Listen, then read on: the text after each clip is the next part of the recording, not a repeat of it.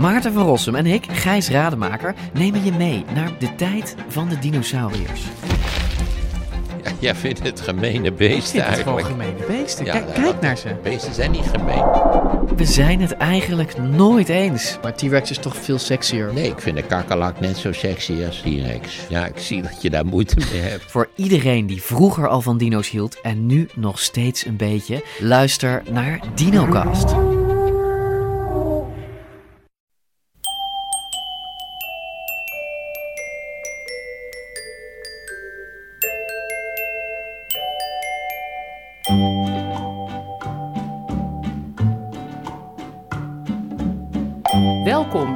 Aflevering 426 van Echt Gebeurd, de podcast waarin mensen hun eigen waargebeurde verhalen vertellen.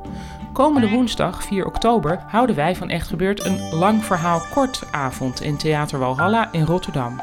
Bij Lang Verhaal Kort worden de vertellers niet van tevoren begeleid door onze redactie, maar mag iedereen met een goed verhaal zijn naam in een hoge hoed doen en wie getrokken wordt krijgt 5 minuten podiumtijd. In deze aflevering twee korte verhalen uit eerdere lang verhaal kortedities. Het eerste werd in november vorig jaar verteld door Christian Weits.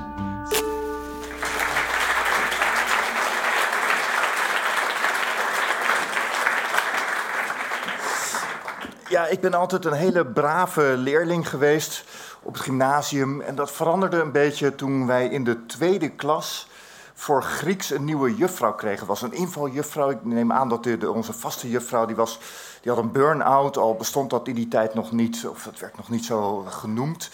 En ik weet niet wat voor beeld jullie hebben bij, bij een docent klassieke talen, maar wij verwachten zo iemand zoals die oude juffrouw met die burn-out. Namelijk zo'n zo'n strenge, klassieke vrouw, zo'n Margaret Thatcher en, en een beetje muffig met de sfeer van oude bibliotheken. Dus nou ja, wij zaten in dat lokaal klaar en daar kwam zij binnen, deze invaljuf. En dat bleek een fantastisch mooie vrouw te zijn. Ze kwam van die hoge hakken binnen, een zomerjurkje aan. En ze leek eigenlijk een beetje op de Venus van Milo, maar dan met die armen er nog aan. Eh, of, of de Venus van Botticelli, zou je ook kunnen zeggen. Dus nou ja, dat was een verademing. En sindsdien was eigenlijk voor, eh, met name voor de jongens, was toen eh, Grieks werd het favoriete vak. Eh, wij gingen altijd met twee vrienden van mij, ging ik altijd, die ook heel braaf waren trouwens, ging ik altijd vooraan zitten. En haar naam noem ik niet uit, uit privacyoverwegingen, maar ik moet er toch eh, iets over zeggen. Wat haar achternaam was namelijk dezelfde als die van een beroemde Formule 1-coureur. En eh, dus laten we zeggen dat ze Verstappen heette. En op een gegeven moment hadden wij een tussenuur, twee tussenuren. En toen zagen we een krant liggen en daar stond dus op haar naam, eh, laten we zeggen Verstappen, Verstappen supersnel, want die had een wedstrijd gewonnen, deze Verstappen. Toen kregen wij het idee, deze twee brave vrienden en ik, van ehm, wij moeten een keer iets rebels doen, iets geks. En toen dachten we van, is het nou niet leuk om voor de schoolkrant in eerste instantie, dachten we, dan knippen we dat, dat eh, Verstappen supersnel uit en dan nemen we een plaatje van zo'n pitpoesachtig, die zijn inmiddels, kunnen die ook allemaal niet meer. En dan, dan gaan we dat kopiëren, daar een soort kunstwerk van maken. En dat zij op zijn motorkap ligt.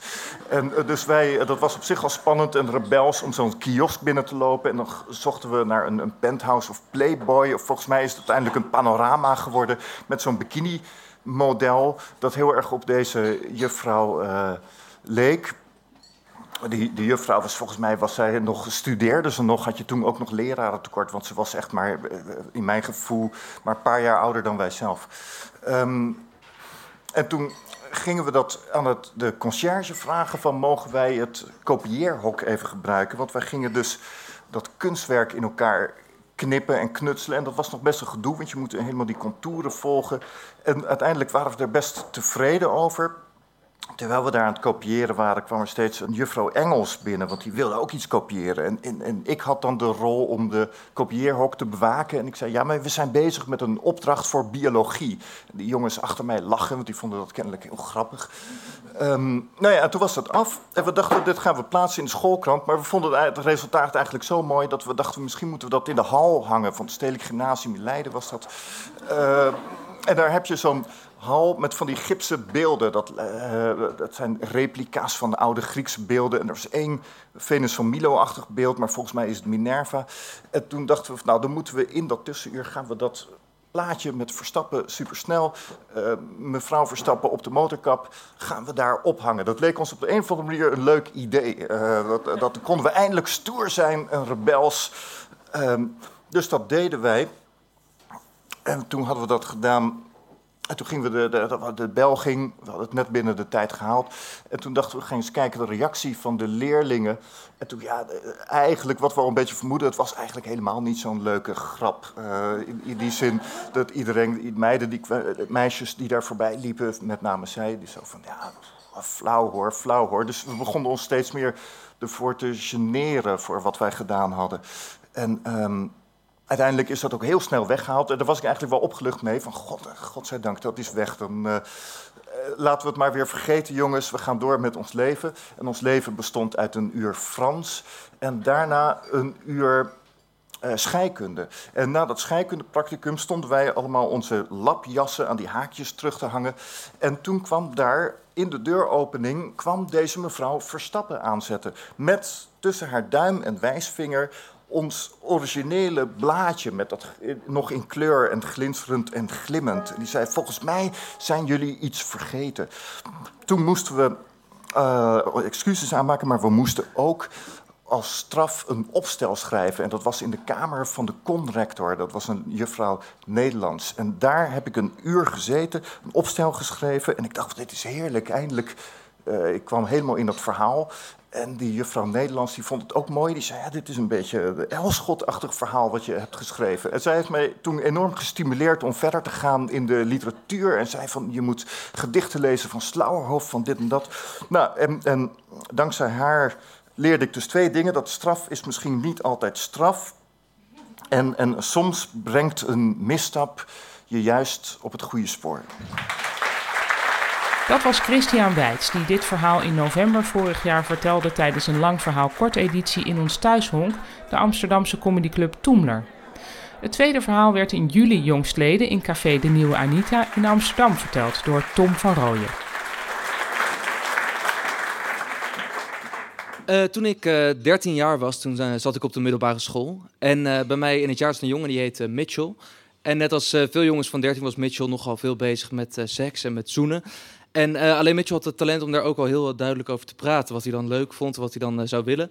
En ik uh, helemaal niet, maar ik vond het wel heel reuze spannend. Dus ik luisterde graag naar Mitchell, want ik zei er niks over, maar het was natuurlijk niet alsof ik niet wilde zoenen. Sterker nog, ik wist ook precies met, met wie. Want ook bij ons in het jaar zat een meisje en het meisje heette Lauren en ik was smoor verliefd op haar. Het was een prachtig meisje, langste meisje van de klas. Uh, maar gelukkig net uh, niet langer dan ik. Dat vond ik heel belangrijk op die leeftijd. Want stel je voor dat zij uh, langer zou zijn. Maar goed, dat had ik allemaal gecoverd. En ik was smoorverliefd op Lauren. Maar ik was niet heel bij de hand om met haar te praten. Dus af en toe op school, dan zei ik wel eens wat tegen haar. Maar dat vond ik toch heel spannend. Maar ik had gelukkig twee technieken ontwikkeld. Waarvan ik dacht, nou op deze manier moet het dan goed komen. eerst was ik af en toe dan ineens tegen haar ging praten op MSN. En dan van, hé, hey, leuke dag gehad. Uh, ja, vrij raar als je elkaar de hele dag hebt gezien en daar niks, uh, niks zei. En uh, het tweede wat ik had bedacht uh, was dat ik op Twitter eh, een keer op 50 per dag op subtiele wijze zou duidelijk maken dat er wel iemand was. Dus dan ging ik de hele tijd songteksten tweeten. Dus dan zet ik heel vaak dingen van... Oh, every day I love you more. Of why don't we go somewhere only we know. Ja, vrij eng eigenlijk, uh, als ik het nu zo zeg. Maar leek me toen een hele heldere manier van communiceren. Om te zeggen van, hey, zie je mij uh, niet staan? Ik ben smoor verliefd op jou. En um, dat begon gedurende het schooljaar voor er ook wel meer, uh, meer mensen op te vallen. Ze vroegen van, hey Tom, wat zijn al die tweets? Ik zei, oh niks, liedjes, hoezo je dat niet of zo?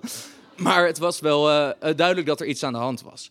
En dat schooljaar ging, ging verder en ik nou, af en toe MSN'en met Lauren, af en toe een tweet, maar het kwam er niet echt van. En helemaal aan het einde van het schooljaar zaten we in de proefwerkweek. En het was de avond voor het allerlaatste proefwerk. En uh, ik had weer de zoveelste tweet van die dag uh, eruit gegooid met een of andere mierzoete tekst. En uh, ping, berichtje van Lauren op MSN. En die zegt, hey Tom, hoe is het en hoe gaat het met je toetsen? En ik, ja goed. En, ja, ze zei van, ik voel me toch af, wat zijn al die tweets eigenlijk? is dat voor iemand? Of, en ik zo, ja, hè? En toen dacht ik, oké, eh, To- Tom, als je het wil... Ja, ik bedoel, je, je bent nu ongeveer een schooljaar lang hiermee bezig. Het heeft vooralsnog niet echt gewerkt. Dus misschien moet je toch nu eh, het ja, lef opbrengen om er iets van te zeggen. Dus ik zei, nou, ik wil het wel vertellen, eh, Lauren, eh, het, het gaat over jou. En Lauren, die, die was zo van, is, is dat echt zo? Of die gelooft het eigenlijk eerst niet. Ik zei, ja, nee, het is echt waar. En Lauren was niet verliefd op mij. Oh, ja. En ehm naar, Lauren was een heel eh, lief meisje. Dus die, eh, die praatte met mij en van, nou, ik niet verliefd op jou, maar ik vind je wel heel, heel aardig. En ehm, eh, ik zal het aan niemand doorvertellen. Nou, dat was sowieso een grote opluchting, want als jongen van 13 is het toch weinig erger dan dat andere mensen door dat je gevoelens hebt. Dus dat was een hele opluchting. En nou goed, ik ging ja, zo goed zo kwaad als ik kon slapen en ik maakte me klaar voor de laatste toets de ochtend daarna. En die laatste toets eh, die werd gesurveilleerd door onze Engelsdocent, mevrouw Kloosterman. En dat was het eerste proefwerk geweest van de toetsweek Engels. En eh, na de toets stonden we met z'n allen om het bureau van mevrouw Kloosterman. En vroeg, ja mevrouw, heeft u de toets van Engels al nagekeken? Mogen we de cijfers al weten? En ze zei, ja, ik heb het wel nagekeken, maar ik mag dat niet vertellen. En bleef maar smeken en smeken, maar één voor één druppelden steeds meer mensen af. En ehm, op een gegeven moment waren we een klein clubje over, en kleiner en kleiner. En eh, voor ik er erg in had, stonden alleen Lauren en ik nog aan het bureau van mevrouw Kloosterman om ons cijfer te smeken. Eh, dat ze uiteindelijk gaf. Maar eh, toen moesten Lauren en ik nog vanaf de tweede verdieping helemaal samen naar beneden lopen door een lege school. Want het was proefwerkweek, langs de lokkers, langs de fietsenstalling. En dat was een hele, hele lange tocht. Maar ja, ik zei al, Lauren was een heel lief meisje. Dus die dacht, ik ga er alles aan doen om hem zo op zijn gemak te laten voelen. Dus die bleef maar praten, echt helemaal nergens over. Ging het vooral niet benoemen wat er aan de hand was. Maar ze dacht, ik zorg dat hij zich niet ongemakkelijk voelt. En dat lukte aardig.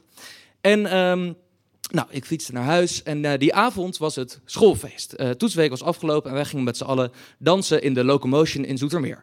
Nou, eh, ik feesten bij het schoolfeest, dat de proefwerkweek erop zit. Toch ook iets van opluchting dat ik zo dapper was geweest om het te vertellen. En ik stond te dansen, of tenminste, ik had een glas cola in mijn hand. Ik toe zo mijn arm omhoog. Ehm, en ik had best een leuke avond tot ik me omdraaide en in een heel ordinaire danskooi stond daar Lauren. En die stond te zoenen met Mitchell. En eh, op dat moment eh, ja, eh, leerde ik hoe het voelt als voor het eerst je hart gebroken wordt, natuurlijk. En het hele schoolfeest ja, was één grote ellende verder voor mij. Maar goed, gelukkig ehm weten we ook allemaal dat je eerst gebroken hart op je dertiende na verloop van tijd slijt. En wat hielp was dat een jaar later Mitchell uit de kast kwam en homo bleek te zijn. Dat was toch wel een redelijke pleister op de wonden voor mij. En nog een jaar later op zo'nzelfde schoolfeest was er een ander meisje dat mij dan wel die eerste zoen wilde geven. Maar daar merkte ik dat eh, eigenlijk Lauren het ook niet voor me was geweest. Want uiteindelijk bleek ik net als Mitchell veel meer van de jongens te zijn. En dat was de allerzoetste wraak. Dankjewel. En dat was een verhaal van Tom van Rooyen, wiens naam je zou kunnen kennen omdat hij ook redactielid is van Echt Gebeurd. Onze redactie, ik zeg het meteen maar even, bestaat verder uit Micha Wertheim, Ariane Hins, Renette Kwakkenbos en mijzelf, Paulien Cornelissen. Directie Hanna Emmingen, zaaltechniek Florian Jankowski en Jelle van Zetten, podcast Gijsbert van der Wal. Komende woensdag 4 oktober organiseren we dus een nieuwe editie van Lang Verhaal Kort in Theater Walhalla in Rotterdam. Het thema van de verhalen die avond is strijd. Dus heb je een goed, waargebeurd, zelfbeleefd verhaal dat iets met strijd te maken heeft, en wie heeft dat nou niet? Koop dan je kaarten, kom luisteren en wie weet ook zelf vertellen in Walhalla in Rotterdam. De avond wordt gepresenteerd door Ryan Pandey. Meer informatie vind je op www.theaterwalhalla.nl. Dit was aflevering 426 van Echt Gebeurd. Bedankt voor het luisteren en vergeet niet, beter een songtekst citeren dan een collage maken.